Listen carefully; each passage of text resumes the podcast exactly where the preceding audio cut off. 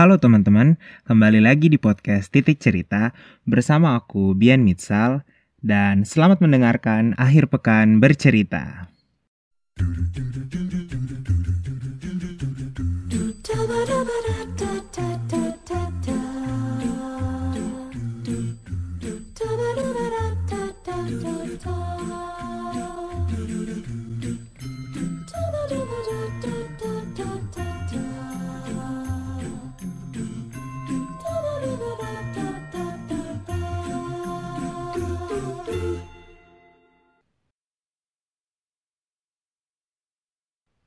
Apa kabar anak rantau? Kuharap kabar kalian selalu baik.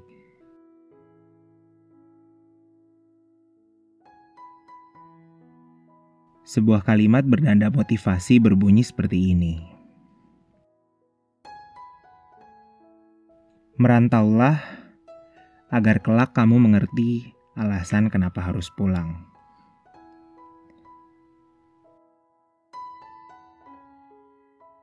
Merantaulah agar kamu tahu betapa perihnya hidup yang kamu jalani. Merantaulah agar kelak akan tumbuh cinta yang tak pernah hadir sebelumnya pada kampung halaman atau pada mereka yang kau tinggalkan. Apa kabar anak rantau?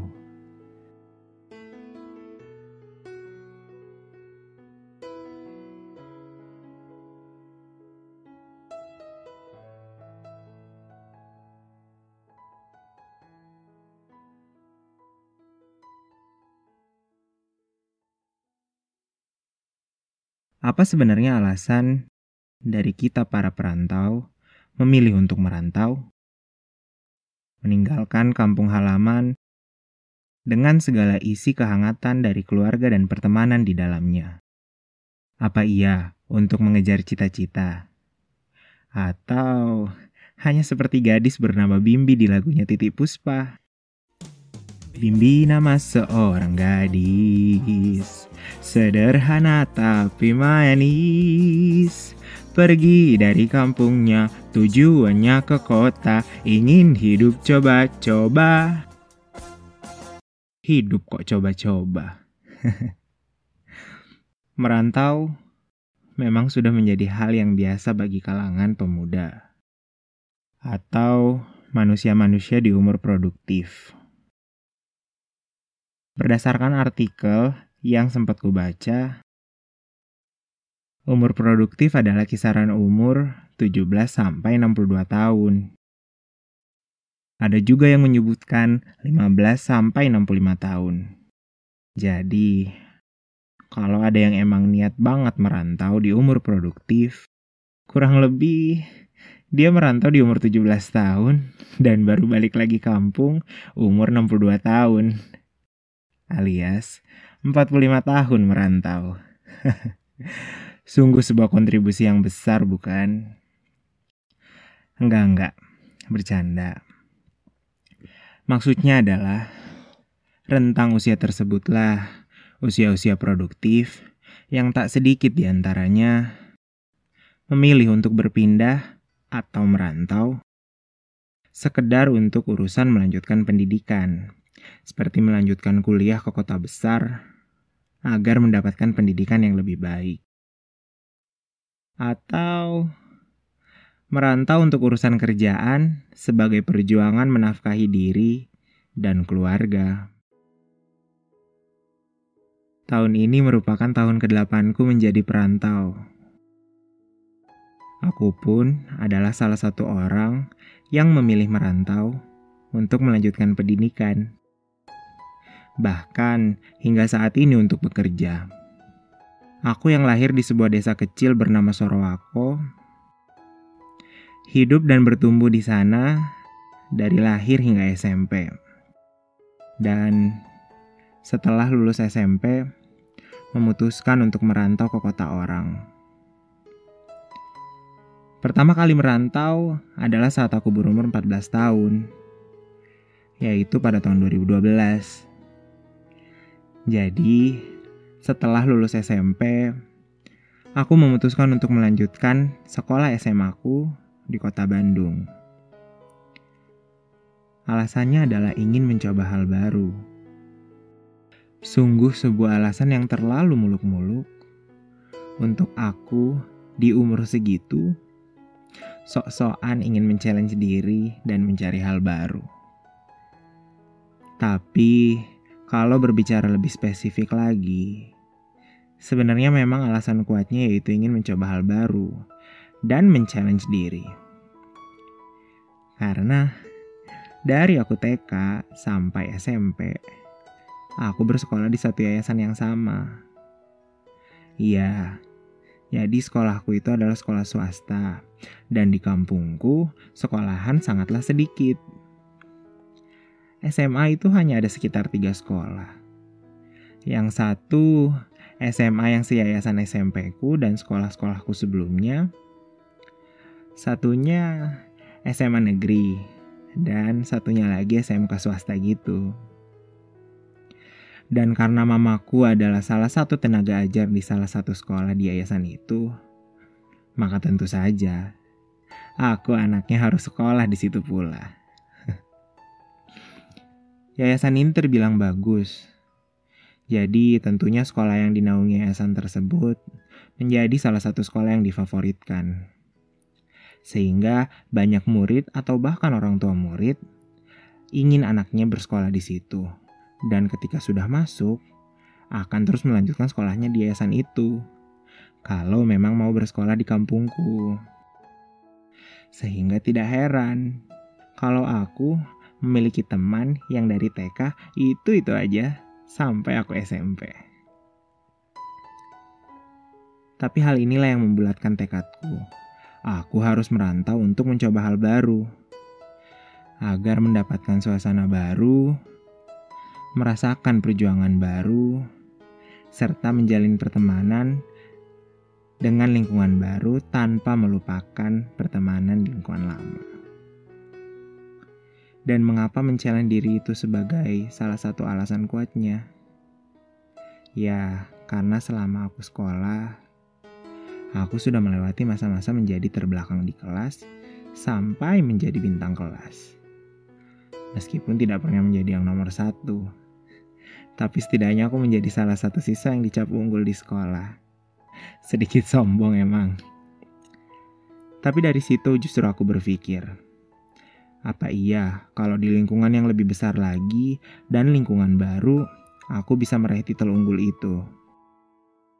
Mengingat Selama ini, semua sekolah yang kumasuki, teman-temannya itu saja, sehingga bersaingnya dengan itu-itu saja tentunya. Kalau kita mencari pesaing baru, yang cakupannya lebih luas, harapannya aku bisa mengupgrade diri. Memang terlalu muluk-muluk gagasannya untuk seorang bocah yang masih SMP saat itu. Tapi seperti yang aku bilang, kalau merantau adalah hal yang biasa. Dan itu terbukti dari banyaknya teman-teman angkatanku saat di SMP yang juga memilih untuk merantau melanjutkan SMA-nya. Dari kurang lebih 124 orang di angkatanku di sekolahku, ada kisaran 30 orang yang memutuskan untuk melanjutkan SMA-nya keluar kota. Itulah sebabnya Dua alasan tadi menjadi trigger utamaku untuk merantau. Dan dari tahun 2012 itu sampai saat ini adalah fase yang kulalui dengan judul merantau. Tadinya aku pikir hebat juga ya. Aku anak umur segitu berani merantau yang konteksnya beda pulau. Tapi ternyata itu hal yang sangat biasa saja jika dibandingkan teman-temanku. Setelah aku kuliah, aku menemukan beberapa teman yang merantau sejak lulus SD demi mendapatkan pendidikan yang disubsidi dari pemerintah atau beasiswa. Mereka berani meninggalkan kampung halamannya di Indonesia bagian timur sana dan memilih untuk melanjutkan SMP-nya di Pulau Jawa. Berarti Saat itu mereka berumur kisaran 11 atau 12 tahun. Sungguh sebuah pilihan dan perjuangan yang berani. Lalu apa hal yang baru yang dirasakan selama merantau?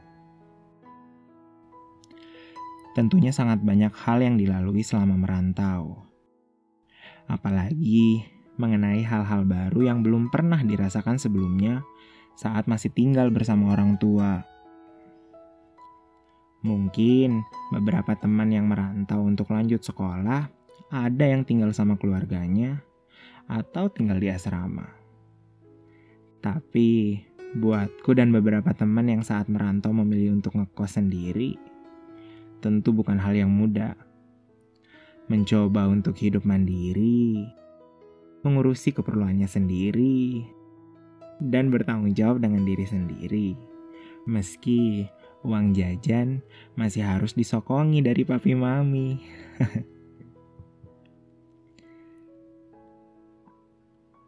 Ada salah satu postingan temanku yang bercerita di Instagramnya dengan gerakan 30 hari berceritanya, yaitu Teh Adriana Anjani, yang kurang lebihnya bisa mewakili apa yang dirasakan dan dilalui para anak kos dan perantau. Foto yang dia post adalah foto suasana yang menunjukkan barang-barang dia saat pindahan kosan. Captionnya berbunyi seperti ini. Tema hari ini adalah tentang apresiasi. Aku sebetulnya ingin mengapresiasi diriku sendiri yang telah sukses melalui masa menjadi anak kosan di Jakarta. Awalnya excited karena bakal ngerasain tinggal sendiri pada waktu yang lama. Ngurus diri sendiri dari bangun sampai tidur lagi dan belajar buat jauh dari rumah. Ternyata semua tidak semudah itu.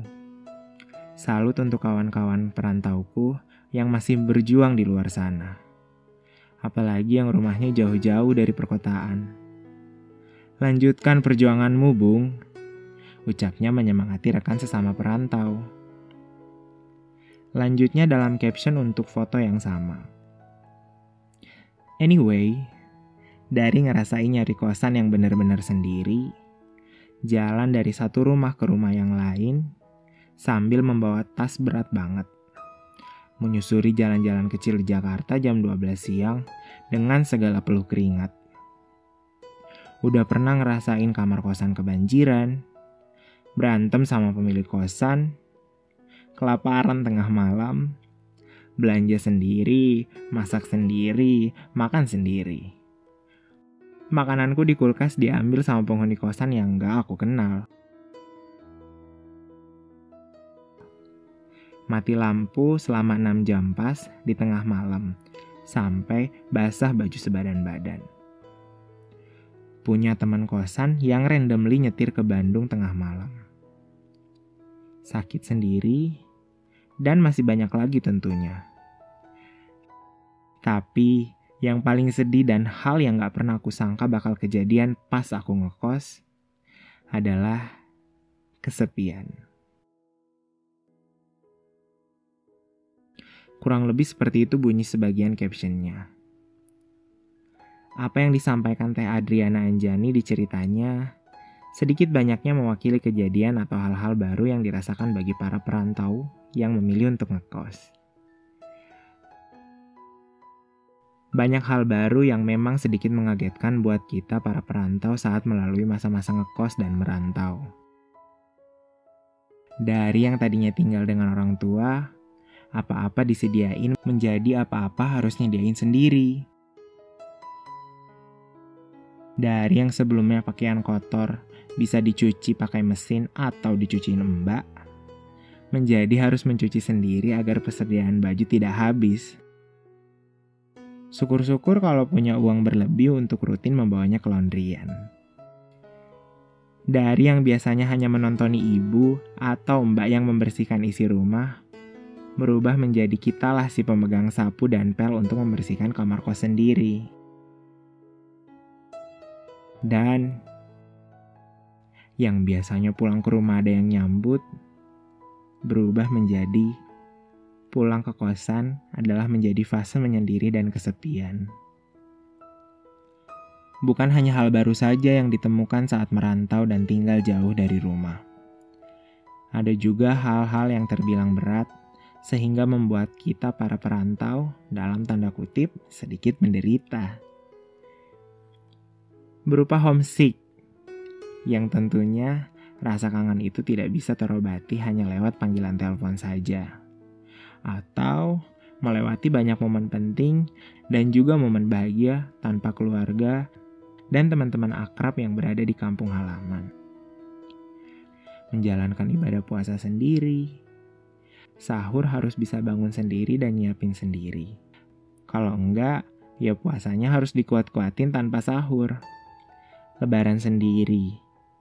Bagaimana bisa mengontrol diri untuk bisa fokus belajar dan tidak kebanyakan main. Kalau sakit, berusaha nyembunyiin agar orang tua tidak cemas lalu ke rumah sakit sendiri. Syukur-syukur kalau ada temen yang mau direpotkan untuk mengantarkan kita berobat. Duit jajan habis, nggak pernah mau bilang. Hitung-hitung, jadi aja nguji coba ketahanan diri dan manajerial uang dengan cara makan mie instan dan disokong promah sampai waktu pengiriman uang jajan bulan baru tiba.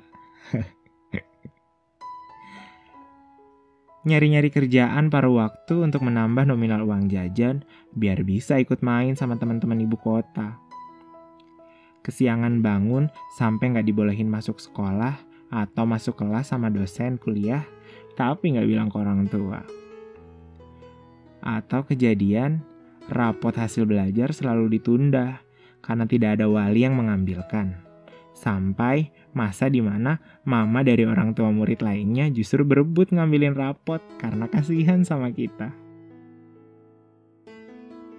Bahkan ada pula teman-teman kita yang merantau lainnya yang hingga lulus kuliah pun tidak didampingi orang tuanya untuk wisuda. Apa kabar anak rantau?